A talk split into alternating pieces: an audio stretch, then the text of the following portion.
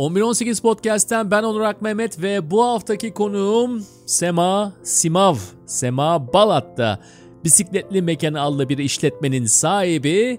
Mekan öncesinde de uzun yıllardır Balatlı. Hikaye de zaten burada başlıyor. Mahallenin kadınlarından çocuklarına, esnafından sokak insanlarına tüm renkleriyle iletişim kuran Sema'nın mahalleli olma hikayesi, Balat'ın ise dışarıdan gelme Sema'ya ve sonra da bisikletli mekana alışma ve karışma hikayesi. Taksim'de bizim mekanda buluştuk ve hemen ilk sorumla başladık söyleşimize. Niye gittin Balat'ta yaşıyorsun? Niye bir de yaşamak üzerine orada bir de iş kuruyorsun? Niye insanları topluyorsun? Değil de üzerine iş kurmak değil aynı zamanda da e, aktiviteler yapıyorsun, etkinlikler yapıyorsun, insanları grupluyorsun. Bisikletli mekanın işletmecisinde ama aynı zamanda orayla alakalı birçok şey yapıyorsun. Yani bir komünite oluşturmuşsun, bir hayat oluşturmuşsun. Bana söyleyebilir misin ya birkaç cümleyle? Ya olur işte bir şekilde bundan dolayı çok mu hijyen? Diğer diğer kısımlar çok mu hijyen? Ya İstanbul'da binlerce kafe var. Niye bir tanesinde başka yerde açmadın da orada açtın? Nerede olursam olayım böyle bir şey yapardım aslında. Çünkü çocukluğumdan beri bildiğim şey ya da hmm, geliştirdiğim şey diyeyim dayanışma ve ortak yaşam duyduğum inanç. Buna güveniyorum, bu fikre güveniyorum. İnsanlık adına güvendiğim tek fikir bu. Çatısı gökyüzü olan bir yerde yaşıyoruz biz. Betonarmelerin içerisinde olabiliriz ama ortak müşterekte buluştuğumuz yerin çatısı gökyüzü. Birçok kişi buna çok romantik bir anlayış diyecektir. İşte e, kesinlikle öyle ama romantizm ben e, bizi bir araya getirme gücü olan tek şey olduğunu düşünüyorum bir taraftan. O yüzden inanmak diyorum mesela hani bilmek değil. İnandığımız şey çünkü bizi nereye götüreceğinden emin olduğumuz şey değildir diye düşünüyorum.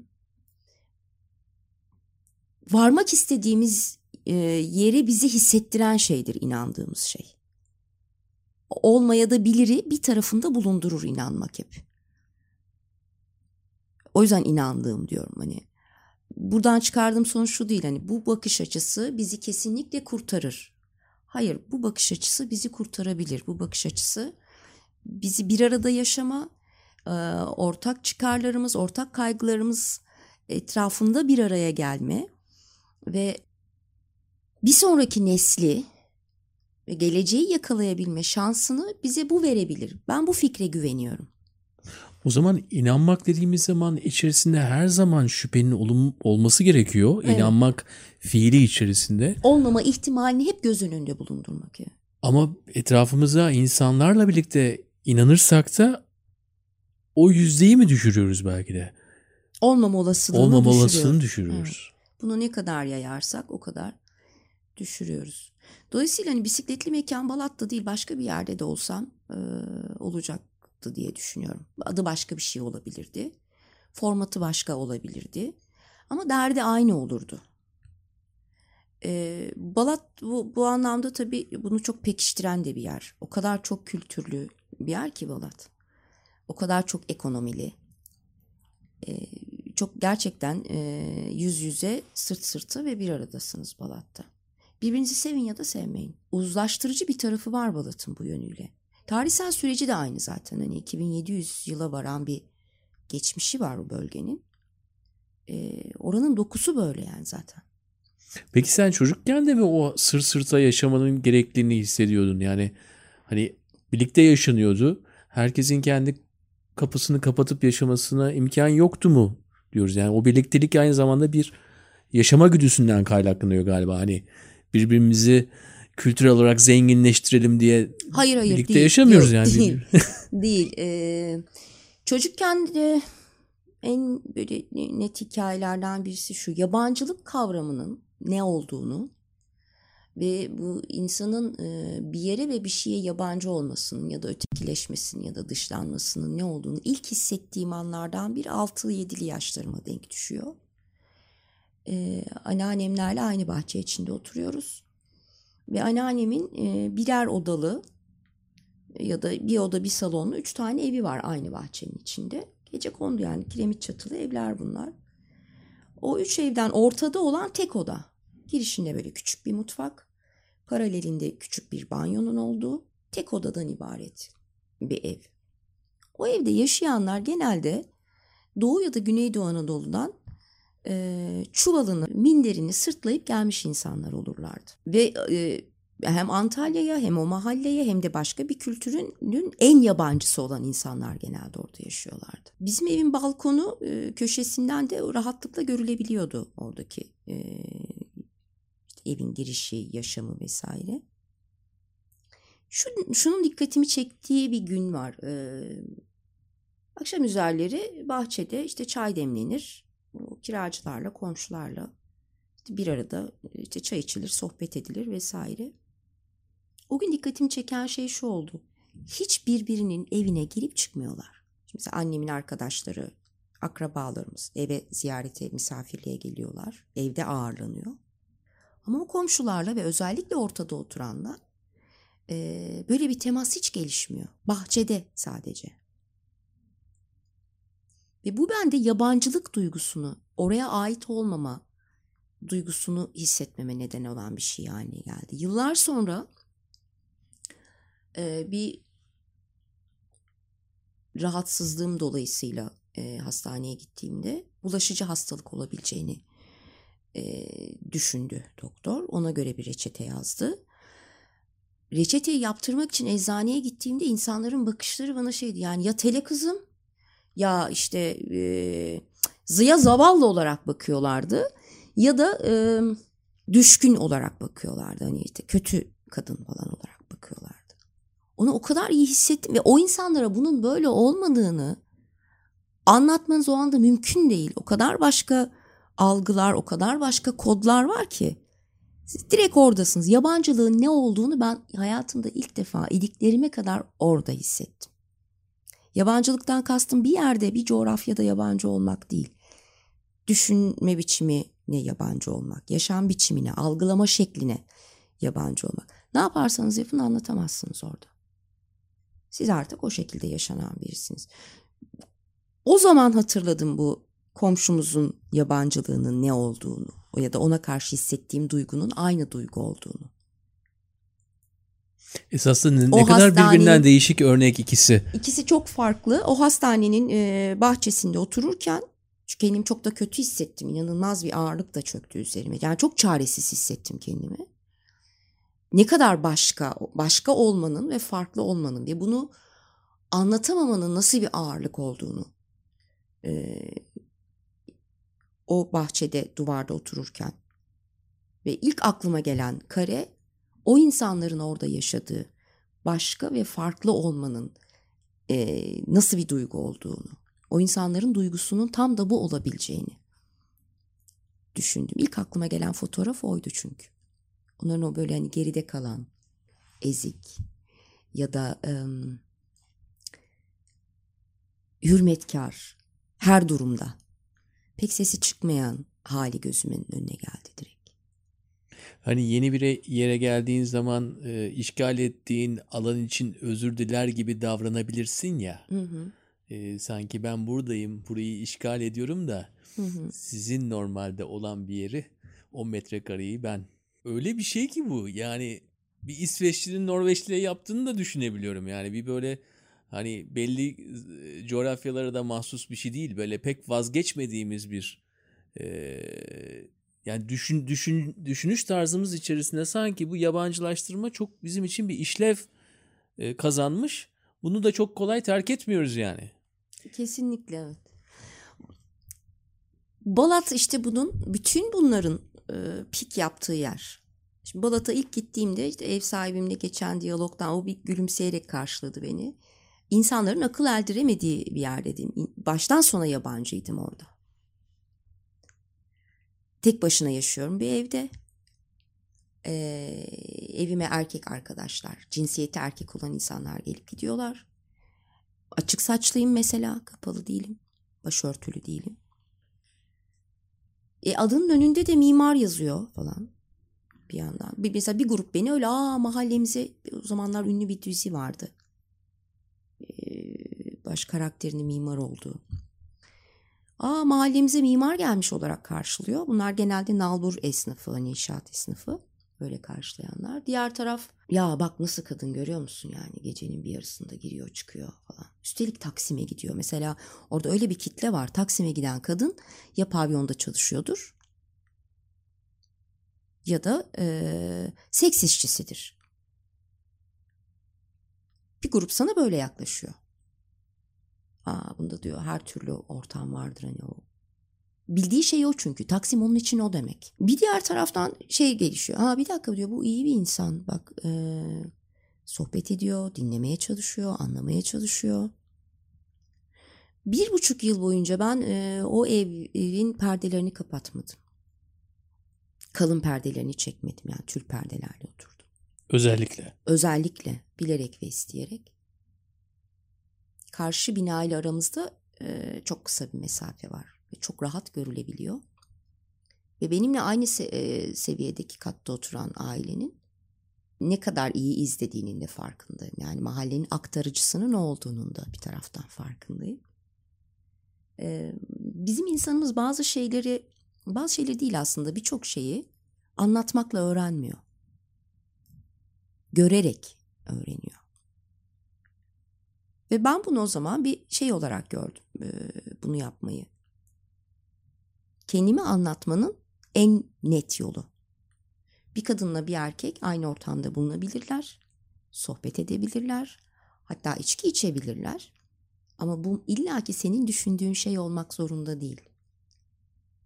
Çünkü karşıdaki daire bütün gün kesintisiz orayı izliyordu ve zaten anlatıyordu diğer taraflara. Bunu normalleştirmenin tek yolunun göstermek olduğunu düşündüğüm için açık bıraktım. Gidip karşına ya siz böyle düşünüyorsunuz ama bakın bu böyle değil. İşte kadınla erkek arasında kadınla erkek önce insandır, cinsiyetler sonra gelir. Bu bir tercihtir. Ee, işte kişisel özgürlüklerdir, birbirinin yaşamına saygı duymaktır falan diye anlatmakla sonuç alınabilecek bir şey değil. Benim çocukluğumda yaşadığım mahallede de bildiğim şey bu e, o evin perdelerini de o şekilde kapatmadım.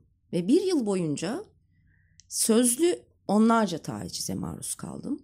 Hiçbirini kişiselleştirmedim. Hiçbiriyle kavgacı bir boyuta e, dönüşüm e, getirmedim ya da bunu bir e, sıcak savaş alanı olarak görmedim. E, bir, bir buçuk yılın sonunda ben mahallenin Sema ablasıydım. Çünkü böyle böyle gelişiyor. Şimdi aynı şeyi bisikletli mekanda yaşıyoruz Ayvansaray'da. Ayvan, bu bahsettiğim evle dükkanın olduğu yer e, çok uzak bir mesafe değil. Şimdi biz oraya başladığımızda orası 10 yıldır kullanılmayan, kimsenin dönüp bakmadığı, işte önünde tinercilerin, balicilerin falan bulunduğu, çöp atılan bir köşe dükkan orası. Biz orayı kiraladığımızda bile mahalleli inanılmaz şaşkın. Nasıl yani ya böyle bir yere geliyorlar bu kadar da uğraşıyorlar, didiniyorlar. Şimdi dışarıdan bakıldığında biz onlara göre zengin görünüyoruz. Giyim, kışam olarak, ifade olarak. Ee, ve oraya usta girmiyor. Her şeyi kendimiz yapıyoruz. Marangozluk işini de, inşaat işini de, boyasını da. Aklınıza ne gelirse yani masası, sandalyesi, mobilyası. Akıl erdiremiyorlardı hani böyle. Niye bu kadar uğraşıyorlar burayla? Ya bir de burası geride bir yer. Burası işte yapmaz falan ilk şeylerden biri şuydu da caminin cemaati. İşte orası işte özel bir kulüp olacakmış. Zaten herkes de giremeyecekmiş. Ee, zaten gitmişler bir de ona bin lira kira vermişler falan. Bu gerçeklikle hiç alakası yok bu söylediklerinin. Ama dışarıdan bakıldıkça hani kurgu ve ön yargılar ve kurgu işlemeye başlıyor ya oradan bu hikaye çıkıyor. Ee, biz orada e, gidip geldikçe uğraştıkça çocuklarla bir şeyler yapmaya başladıkça bu kez şu başladı. Ee, çocuklardan biri gelip bir gün sordu hatta ya işte abla e, bize diyorlar ki oraya gitmeyin. Neden öyle diyorlar? Beyninizi yıkarlar. Sahibi nasıl yapacakmışız bunu? Ne diyorlar hani neyle yıkayacakmışız beyninizi? İşte diyorlar ki onlar siyonist onlar e, CIA ajanı. Onlar FETÖ'cü. Onlar İsrailli. E başka? e, Valla dedim bunların hepsi birden olabiliyorsak biz bayağı iyiymişiz. Siz ne cevap verdiniz buna? Biz dedik ya hayır Sema abla iyi bir insan. Hiç bize böyle şeyler de anlatmıyor. Çocuk orada kendi iradesiyle gelmiyor aslında. Ya annesi ya da komşulardan biri e, orayla ilgili bir şeyler öğrenmek için bu soruyu sorduruyor. Kendi iradesiyle sormuyor bunları. Hani çok da merak ediyorlar orada ne olup ne bittiğini, ne yapılmaya çalışıldığını. Hiç buna da akıl erdiremiyor. Tabii buna bir kılıf örmek zorunda insanlar. Hani kendini bir şeye ikna etmek zorunda. Kendi doğrusu içerisinden e, bir kalıba oturtmak zorunda. Bu hepimizin yaptığı bir şey aslında. Hani bu, bu orada yaşayan insanlara has bir durum değil. Anlamlandırmak zorundayız bir şeyi. Herhangi bir şey aslında saçma olamaz. Bir şeye denk düşmek zorunda. Dolayısıyla hani onlarca bir de bilinmeyen var. Bilinmeyene duyulan korku var.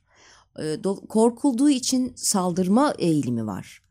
E, düşünürken de saldırgan, davranışta bir saldırganlıkla karşılaşmadık şimdiye kadar.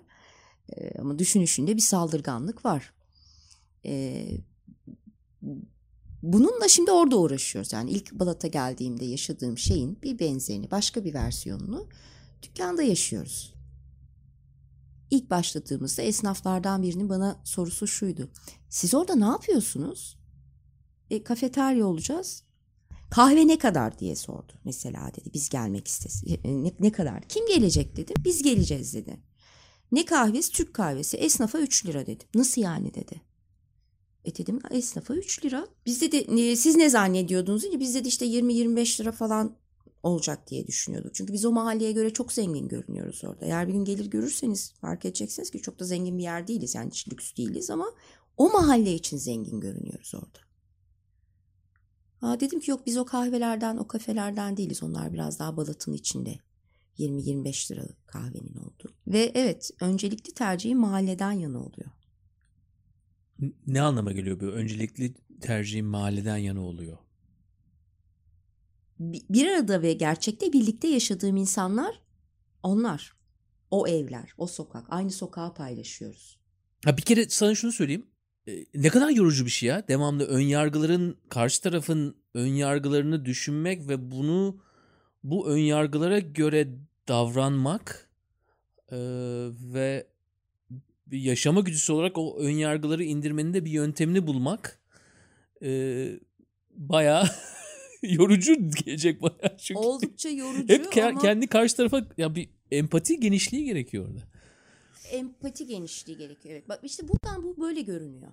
Heh, benim Heh, olduğum yerden o gözüküyor. Senin olduğun yerden ne gözüküyor? Benim olduğum yerden bu bu kadar yorucu değil. Hatta bunu yapabiliyor olmak benim için keyifli. Benim Peki yükümü... memnun musun oranın Sema ablası olmaktan? Seması değilse Sema ablasısın mesela. Sema ablası, Sema kardeşi, Sema bacısı, Sema yengesi. Ya onun yanında bir şey olması gerekiyor peki. Bu senin için olur bir şey mi? Memnun olduğum şey oranın Sema ablası ya da Seması olmak değil. Memnun olduğum şey dokunabiliyor olmak, temas edebiliyor olmak ve insanların da bunu yapabilmesine izin vermek, izin verebiliyor olmak. Memnun olduğum şey bu. Çünkü insanların da bizimle temas edebilmesine izin veriyoruz biz davranış olarak orada. Açığız çünkü. Birlikte oturup çay içebiliyoruz, sohbet edebiliyoruz. Birbirimizin ya mesela benim komşularımdan bir kısmı e, sürekli dükkana gelmez ama orada bir etkinlik bir şey varsa bir bakarım kek yapmıştır, bir poğaça yapmıştır. Hemen getirir kapıdan verir bana. Yardıma ihtiyacım olduğunu düşündüğüm için. Her gün sohbet ettiğimiz, her gün birbirimize günaydın dediğimiz insanlar değil bunlar. Hatta haklarında çok az şey bildiğim insanlar. Mahalleli olmak biraz böyle bir şey. Ve bir sürü şey e, mahallede insanın insana teması, insanın insana dokunabilmesi mikro ölçekte başlıyor. Küçük ölçekte başlıyor. Ben biraz belki tüme varıncıyım. Ee, aileden sonra. Bir sürü şeyi deneyimlediğimiz, ilk kez karşılaştığımız ve içinden anlamlar çıkarıp kendimizi oluşturduğumuz yer mahalle. Benim sevdiğim şey muhtemelen bu. Sema ya da Sema abla olmak değil. Bir şeyin parçası olduğunu bilmek, ona temas ettiğini bilmek ya da neye sebep olabildiğini farkında olmak. birbirini nasıl etkilediğinin farkında olmak. Benim sevdiğim ve görmekten keyif aldığım şey bu. Doğadaki işleyişin aynısı bana göre insanların arasında da var. Süreklilik ve devinim. Doğada da vardır aynı şey. Yani e, azot yoksa, toprakta azot yoksa bitkide e, işte yaprak yoktur. Bitkide yaprak yoksa ya da meyve yoksa ya da çiçek yoksa e, hayvanlara yem yoktur. Hayvan dışkılamıyorsa o azot tekrar toprağa karışmaz gibi. Bu döngüsel ve devinimsel hareket e, kolektif yaşam biçimi, kolektif yaşam insan arasında da var. Aynı şeyler olarak görüyorum ben. Ben onu etkiliyorum, ondan bir şey alıyorum. Ben ona bir şeyler veriyorum. O bir başkasını etkiliyor, ondan bir şey alıyor. O bana bir şeyler veriyor. Ve biz bir kültürün, e, dünyanın ya da işte toplumun bir, bir parçası haline, yaşayan bir şey haline geliyoruz. Anca bunu yapabildiğimiz zaman. Çatışırken de, kavga ederken de, birbirimizi beğenmezken de, birbirimizi beğenirken de. Hep bir temas var, hep bir dokunma hali var. Hayatta olmaktan anladığım şey bu galiba. Ya bazen biz şehir yaşamındaki yabancılaşmayı işte doğadan uzaklaşmak e, anlamında işte yeşilin azlığı olarak algılıyoruz ki orası doğrudur. Ama sen şu an diğer yanından da bahsediyorsun bana. Doğallık dediğin şey illa yeşilin kendisi değil diyorsun. Doğallık denilen şey devinimin kendisidir. Evet, Ve kendisi. o döngü ortadan kalktığı zaman da istersen Sırça Köşkü'nde altın varaklı yerde yaşa diyorsun yani. devamlılık, döngü ve bütünsellik. Bir önceki sürecin devamıyız. Bir sonrakine bir şeye sebep oluyoruz. Bir şeyin sebebiyiz. Her zaman bu böyle. Bireyi bu anlamda çok önemsiyorum galiba. Kendimde de bunu, bu farkındalığı hep ayakta tutmaya çalışıyorum. Mesela bir İtalyanımız var mahallede. 4-5 dil bilip İtalya'da yaşıyorken e, uyuşturucu satıcılığı ya da bulundurmak suçundan sınır dışı ediliyor. Türkiye'ye geliyor. Muhtemelen o uyuşturucular artık akıl sağlığını hakikaten e, sarsmış durumda. Bir tür meczup aslında. Karşılıklı binalarda yaşıyoruz. O binanın hikayesi de şu, e, 100-150 yıllık bir geçmişi var binanın.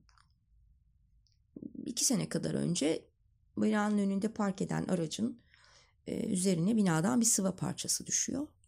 Araç sahibi belediyeye şikayette bulunuyor. Bina yıkılmak üzere tehlike arz ediyor diye. Ve belediye tahliye kararı alıyor. O sırada binada oturan 3 aile var. 3 daire var zaten.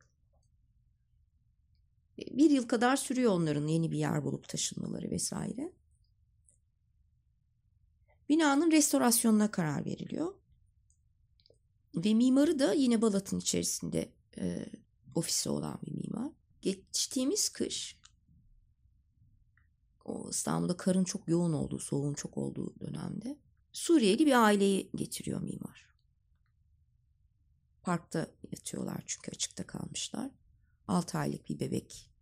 Biri 6 aylık o bebek, 3 tane çocuk var. Ve gidecek yerleri yok. Kalacak yerleri yok o soğukta. Mimar da diyor ki hani burası boş kalacağına ben bu aileyi yerleştireyim. En azından soğuklar geçene kadar. Sırf Suriyeli oldukları için mahalleli şikayet ediyor. İstemiyoruz burada diye. Ve o insanlar o evden çıkarıldılar. O karda kışta.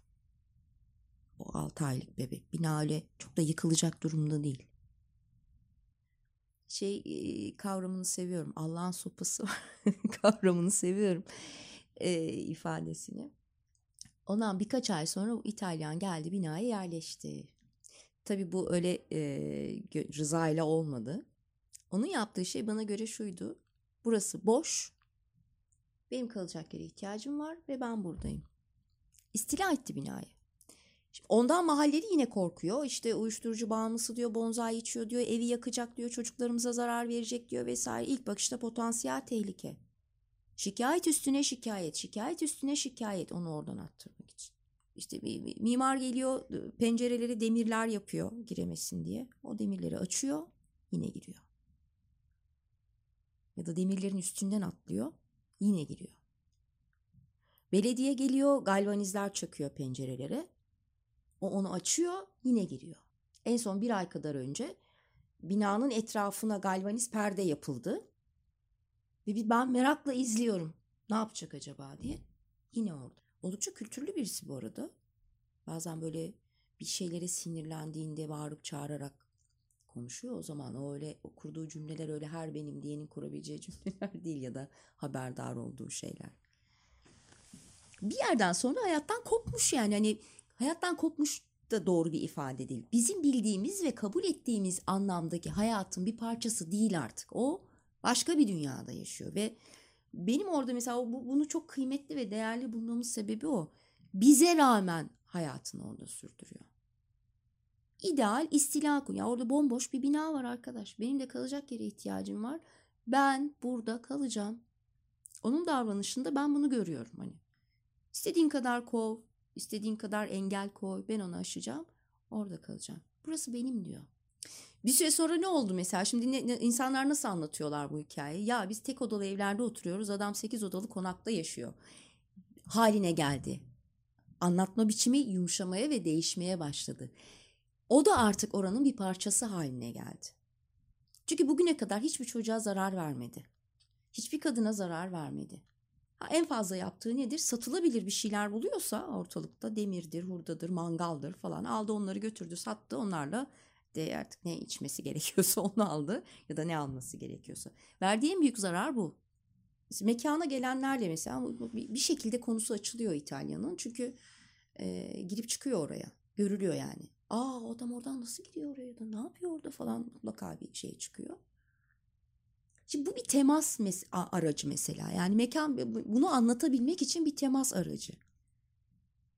Onun ilk bakışta potansiyel tehlike olmadığının, aslında oradaki varlığının çok da kıymetli olduğunun anlatılabileceği bir yer haline geliyor bisikletli mekan. Şimdi birçok insan hemen böyle bir böyle bir sertleşmek üzere bir çıkış yapıyor. Bunu bazen beden dillerinde de görüyorum. ne yapıyor adam orada? Ne biçim bir adam o bilmem ne falan hemen kesebiliyoruz onu orada. Yani o düşüncenin oraya yerleşmesine hiç izin vermeden aslında hikayenin ya da oradaki yaşanan şeyin diğer tarafını anlatabilme imkanı veriyor bize mekan mesela. Bize bunu sağlayan mekanın kendisi. Evet bisikletli mekan mekanın içinde bir mekan. Orada yaşamayan birinin oranın dokusunu ya da orada olup biten şeyleri ya da e, farklı yaşam biçimlerine, farklı düşünme biçimlerine temas edebilmesine olanak sağlayan mekan içinde bir mekanız biz. Ve biz diyorum biz kimiz? Şimdi bir yandan evet işletmecisi ya da sahibi ya da başlatanı yım bir tarafıyla vesile olan, sebep olan benim ama e, 20 kişi kadar sayabilirim ben orada. Bir 20 kişi kadar varız. O yüzden hani biziz diye anlatıyorum bu bahsettiğim 20 kişinin eli ben öyle anlatmayı seviyorum. Eli sürekli oradadır. Yani gelemese de 10 günde bir geliyordur. Belki 2 haftada bir geliyordur ama bir eli hep oradadır ya da bir gözü hep oradadır. Hep takip eder orayı. Bu şekilde bir 20 kişi kadar varız. Bisikletli mekanın ve bizim gibi insanların orada olması o mahalleyi çoğaltan bir şey. Bizim orada olmamız da bizi çoğaltan bir şey. Valla e, bunu bizimle paylaşarak bu hikayeyle birlikte zaten e, bisikletli mekan ve seninden de çıktı. Balat'tan, Ayvansaray'dan da çıktı. E, çok teşekkürler bize bu, bu bizi oraya davet ettiğin için ve bizi bunun parçası yaptığın için. Ben teşekkür ederim. Tanıdığım için ben de çok memnun oldum. Kendi yaşam hakkını kazanmak için inançla orada kalmayı, orada olmayı seçiyor Sema. Aynı hikayesindeki İtalya'nın yaptığı gibi. Yani hepimiz için tutunmak için değişik değişik formüller var. Bence bunları bulmanın yöntemi de e, denemekten geçiyor herhalde. Bazen bu şehirde hikayesini yitirdiğini düşündüğümüz bu şehirde kendimizi bulabileceğimiz bir mekan olduğu zaman nasıl hissediyoruz? Gayet iyi hissediyoruz. Burada ne bu mekanın adı? Bisikletli mekan kahkaha, sokak ve Çın Çınlı Çeşme sokağın tam ortasında Facebook ve Instagram'dan takip edin diyorum. Ya da en iyisi oraya uğrayın Stefan'ın elinden çıkma güzel yemekleri yiyin ve ucuza kahvenizi için. Bizden ne haberler var? Daha önce çıtlatmıştım. İşte o zaman geldi çattı. Gelecek hafta 8 Mart Perşembe gecesi Kadıköy Kaset'te bir etkinlik düzenliyoruz. Canlı bir hikaye anlatma etkinliği. Anlatmayı ve dinlemeyi bilenlerin kabilesi artık buluşuyor. 3 senedir bizi dijital olarak takip ediyorsunuz. Bugüne kadar onca anlatıcımızın hikayesini dinlediniz. E bazılarını da sahnede görme imkanını bulacaksınız bu gecede. Tüm 11-18 dostlarını heyecanımızı paylaşmaya ve cesur anlatıcılarımızı desteklemeye çağırıyorum. Facebook sayfamızdan ve 11-18 üzerinden etkinlik ile ilgili detaylara ulaşabilirsiniz. Haftaya Perşembe saat 21'de Kadıköy Kaset'te. Evet görüşmek üzere diyelim.